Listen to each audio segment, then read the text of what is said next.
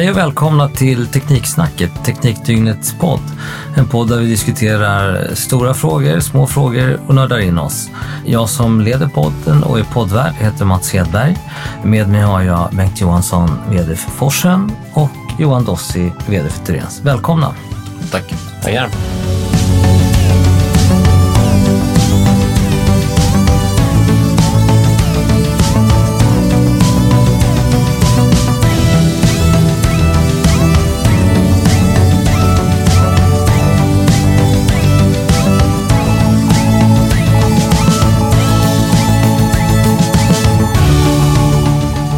Ska vi börja med den stora frågan? Vilka blir vinnare respektive förlorare i teknikkonsultbranschen de närmsta åren?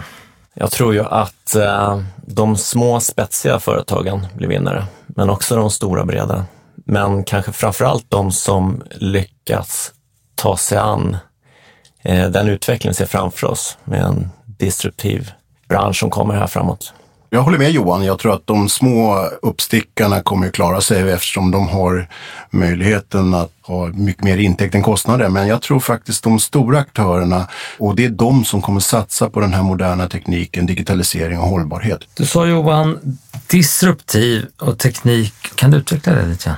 Vår bransch ligger efter många andra branscher, men jag ser att det börjar röra på sig nu. Vi på Thorens håller på med jättemycket spännande saker med automatisering och det kommer hända något här framåt. Och då gäller det att vara med när, när tåget går. Något kommer hända. Mm. Du kan inte lämna oss med en sån cliffhanger. Vi får se. Jag tror det händer jättemycket runt om att medarbetarna kommer på nya saker, men också de företag som eh, klarar av att eh, organisera upp sin innovation och sin digitalisering, mm. tror jag kommer lyckas. Vad är det här med digitalisering, Bengt? Vad det egentligen handlar om att vi hela tiden sen datorn kom in i, så har man ju digitaliserat. Det är kanske det som händer just nu. Förr i tiden hette ADB och IT. Det, digitaliseringen går ju nu mycket fortare. Man ser inte den här eh, linjära kurvan uppåt utan det blir mycket snabbare än hockey hockeyklubba där det går mycket snabbare, fortare än vad vi förstår. Och jag tror att det kommer att hända mycket i den här branschen av vad det gäller att ta hjälp av AI, men också ta hjälp av globalt. Idag vet jag att Ramboll jobbar väldigt mycket med Indien som hjälper till med konstruktion och projektering som gör det både snabbare, enklare, billigare. Dagen efter har de färdiga handlingar. Och, och jag tror precis som Johan säger också att, att tar man hand om de här innovativa krafterna som finns eh, i bolaget och digitaliseringen, men också hållbarheten. Där vi ser en allt nyare generation av medarbetare som börjar tänka vad är det som händer i vårt klimat och man ser bränder och översvämningar och sånt så vill man jobba i bolag som tar hand och tar sitt ansvar. Digitaliseringen, hållbarheten, eh, hur kommer det här påverka vardagen för en teknikkonsult eller en samhällsbyggare? Jag tror att det först och främst kommer att gå fortare. När digitalisering IT, allting det utvecklas ju hela tiden nya programvaror och tjänster. Kunden kanske vet nästan mer än oss ibland vad det gäller digitalisering av hållbara hus och fastigheter, städer, där vi måste som konsulter vara den här expertisen, rådgivaren. Och då gäller det att vi har utbildning, vi har en, en stor summa pengar för att satsa på innovativa lösningar, utbildning och våga... Handlar det om att ta fram egna produkter? Nej, absolut inte. Det är inte vi i alla fall, utan det finns ju redan bolag idag som ligger i framkant och utvecklar. Det är inte Forsen, utan men vi ska ligga inte så långt efter. Vi ska kunna de här verktygen som utvecklas. Det är ingen som söker sig till Forsen för att bli programmerare. Där skiljer vi oss nog åt. Ni är ju spetsiga inom just projektledning. Mm. Vi ser framför oss att vi kommer nog produktifiera våra tjänster. Inte fysiska produkter, men våra tjänster kommer vi produktifiera. Vad eh, skulle det kunna vara? Jag ser digitalisering som tre steg. Det första steget är ju att vi jobbar smartare och mer innovativt med våra verktyg för att kunna göra det vi ska göra snabbare. Vi blir mer effektiva. Nästa steg är ju att leverera smarta lösning till våra kunder så att våra kunder kan jobba smartare och mer effektivt i våra BIM-modeller så att eh, det blir ritningslösa byggarbetsplatser och så vidare. Men tredje steget, det jag tycker är så intressant just nu, dit vi är på väg in, det är ju att, att slutprodukten, det som alltså kommer samhället i gagn, den smarta staden, det smarta kontoret, den smarta vägen, att det är där vi är nu. Och eh, det är det vi måste innovera och förpacka. Jag tycker det var väldigt bra sagt av dig Johan, för det handlar precis som du säger. Först måste vi själva ta hand om de här applikationerna. Så sen är det kunden som måste också kunna använda de här, men sen också kundens kund, där samhället, eller som du säger, det smarta samhället, där, som kommer också använda de här digitaliserade tjänsterna.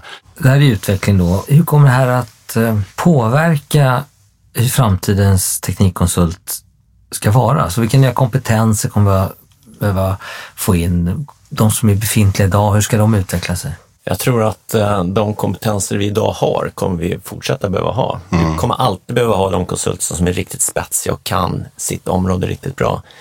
Men vi kommer komplettera och det, det har vi redan börjat med, komplettera med andra typer av kompetenser de uppdrag vi levererar idag blir mer och mer komplexa och sammansatta. Så det räcker inte bara med att vara ingenjör utan massor med andra olika typer av kunskap vi måste få in i våra uppdrag. Och vad är det för kunskap? Om du ger exempel. Är det beteendevetare? Ja, det är beteendevetare. Kommunikatörer? Allt egentligen som det går att utbilda i, allt som det går att kunna. Det, det är ju samhället vi förser med vår kunskap och våra tjänster och, och då måste vi förstå samhället och, och kunna leverera in i alla dess delar. Jag tror att våra medarbetare framåt kommer märka skillnad därför att en del av det vi idag gör flyttar in i, i datorer. En del flyttar det till Indien, men, men man kan också flytta in i datorerna. Och det är ju nästa våg. Så kommer våra anställda mer få arbeta med att utveckla det nya, eh, att skapa samarbeten, att eh, ligga närmre slutkunder för att öka förståelsen.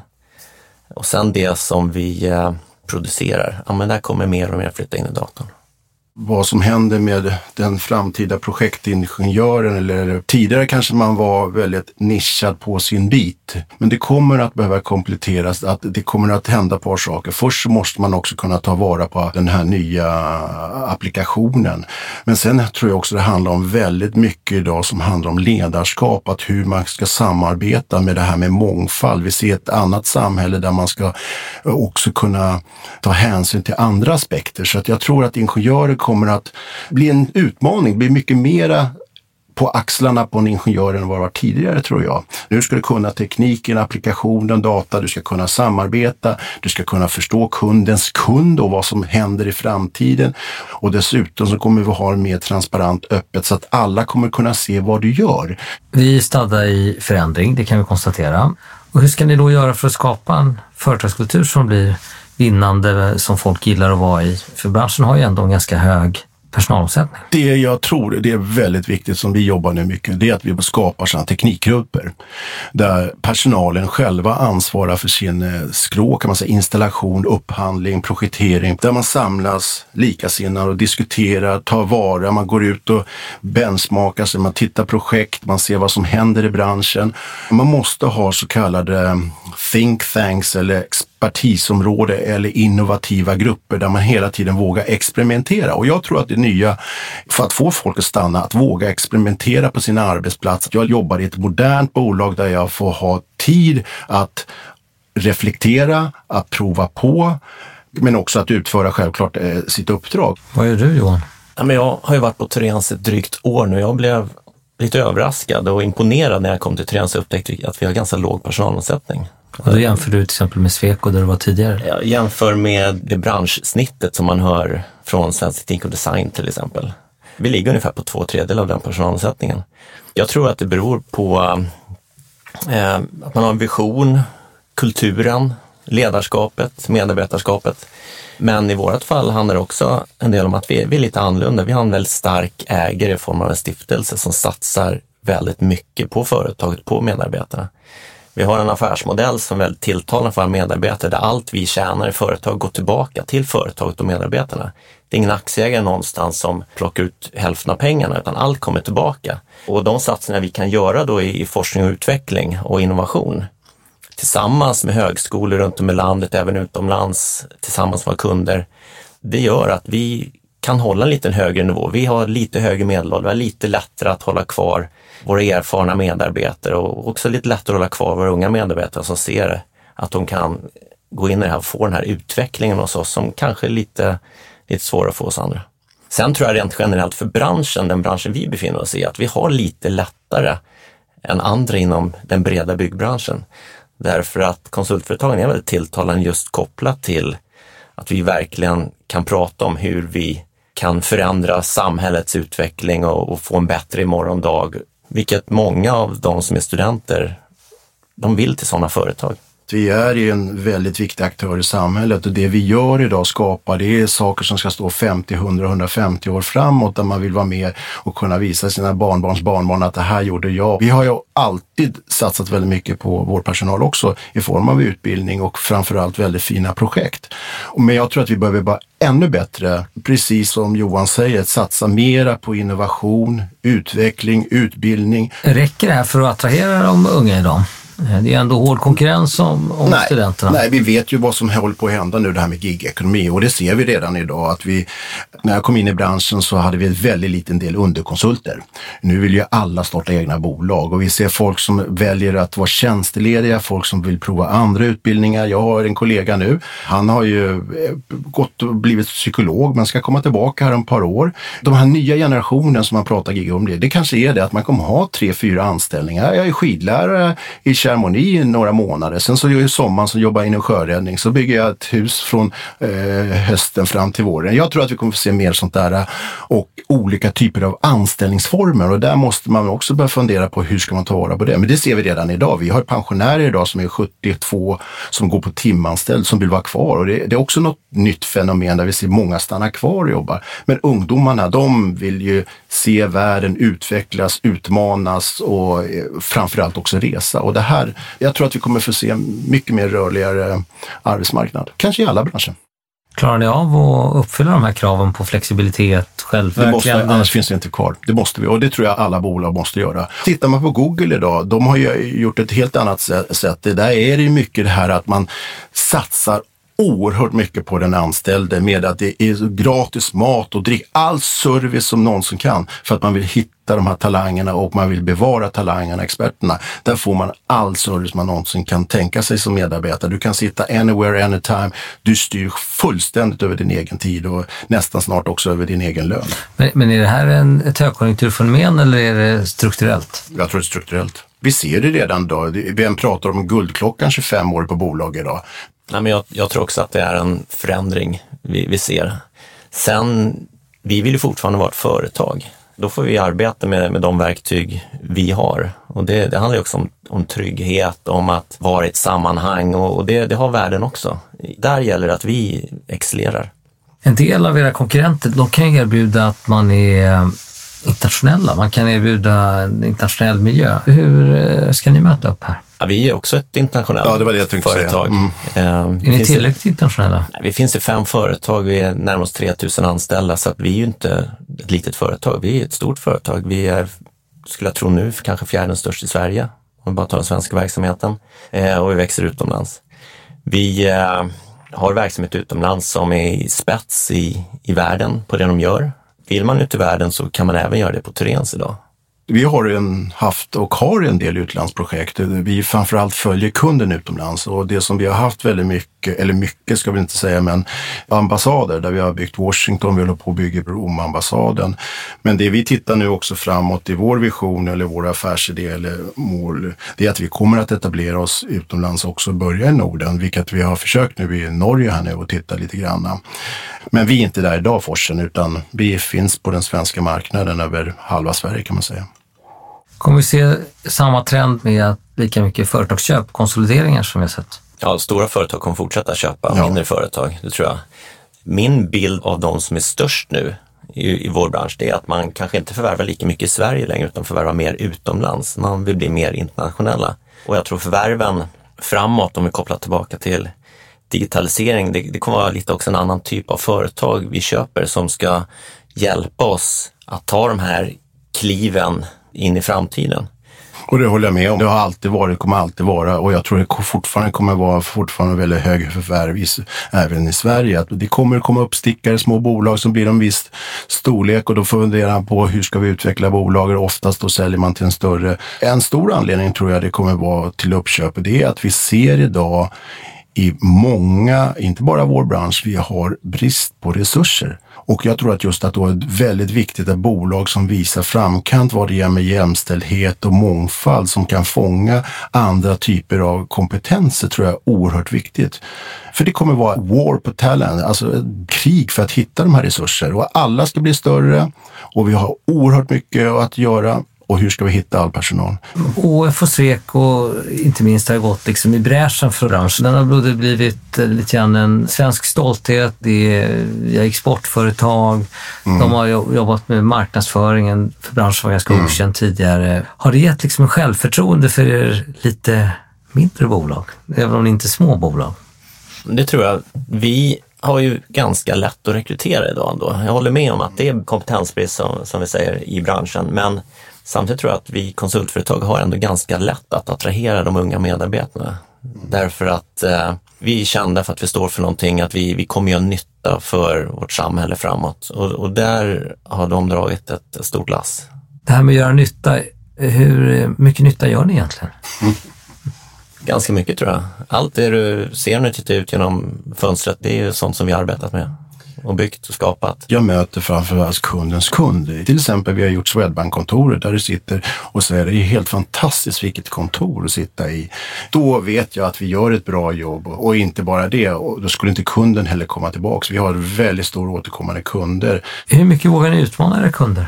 Eller gör ni bara som de säger? Nej, vi utmanar kunderna hela tiden. Vi utmanar kunder med nya lösningar. Jag vet ju till exempel att vi gjorde ett projekt i eh, Norsborgsdepån Norrsportsdepån där vi gjorde en tunnelduk i en av våra tunnlarna som var en ny innovation som sparade pengar, bättre för kunderna och allting. Som vi vågade utmana kunderna att det här vet vi är bättre. Vi pratar mycket om det här på Tyrens, att utmana kunden och sätta en stolthet i att eh, vägleda kunden rätt. Det är vårat sätt att kunna visa på att vi har en väldigt hög kunskapsnivå och att vi verkligen är rådgivande. Har branschen varit lite feg tidigare? Jag tror att det har gått i vågor. Om man, om man går långt tillbaka, då, då var det konsulten som bestämde. Då, då stod ju entreprenören med hatt i handen, konsulten kom ut och inspekterade att man hade följt ritningarna som levererade. Mm. Sen eh, har det där svängt ganska mycket och jag tror att vi har under en, en period här nu varit lite fega. Vi har varit lite för mycket leverantör. Men jag, jag känner att det här svänger nu. Jag tror att eh, digitaliseringen och den utveckling vi ser runt omkring oss spelar oss i händerna här och, och vi tar stora kliv framåt. Vilket vi måste också göra. Alltså, kunden blir bättre än oss på digitala och hållbara lösningar. Då anlitar kunden inte oss längre, utan vi måste våga utmana och bli bättre. Men jag tycker också branschen har blivit mycket mycket, mycket, mycket bättre än om man går tillbaka 10, 15, 20 år. Men det har också hänt väldigt mycket. Man kommer ju från fastighetskrisen 90-talet. Vem vågar utmana då? Alltså, alla kommer ihåg den tiden. Då satt alla försiktigt och kanske inte sa så mycket. Men nu vågar man. Och man ser också den här nya generationen som kommer. Och de vill se utveckling, utmaning och så vidare. Och de kommer också sitta på kundsidan. Utan de vill ha snabbare resultat men också våga prova på nya verktyg och idéer. Så vad tar det här oss om fem år till exempel? Jag tror det blir jättekul och branschen kommer gå en otroligt spännande utveckling vad det gäller AI, automatisering, digitalisering och så att jag, jag tror att det är de som är i den här branschen har tagit eh, verkligen en vinstlott. Nej, jag håller med. Jag tycker det ska bli jättespännande att se vad vi tar vägen framåt och Therens har bestämt sig för att vara med och leda den utvecklingen. Innan vi är där då, kommer vi få se en liten lågkonjunktur nu tror ni? Jag tycker att eh, det känns ändå ganska bra framåt. På infrasidan så är det stort tryck, både Trafikverket i kommunerna, industrin går bra, för sig hjälpta av en låg kronkurs och, och låg ränta, eh, men det spelar oss ändra.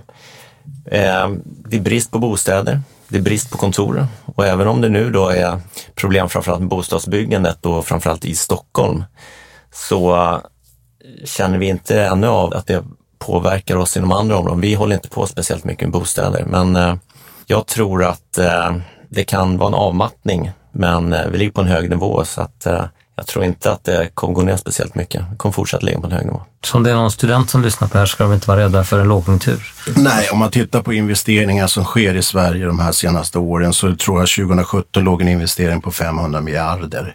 2018 som vi kommer komma ut kommer ungefär ligga på samma storlek och 2019 spår man ungefär lika mycket. Och vi har fortfarande ett väldigt stort behov av att bygga nya bostäder, skolor, stadsdelar.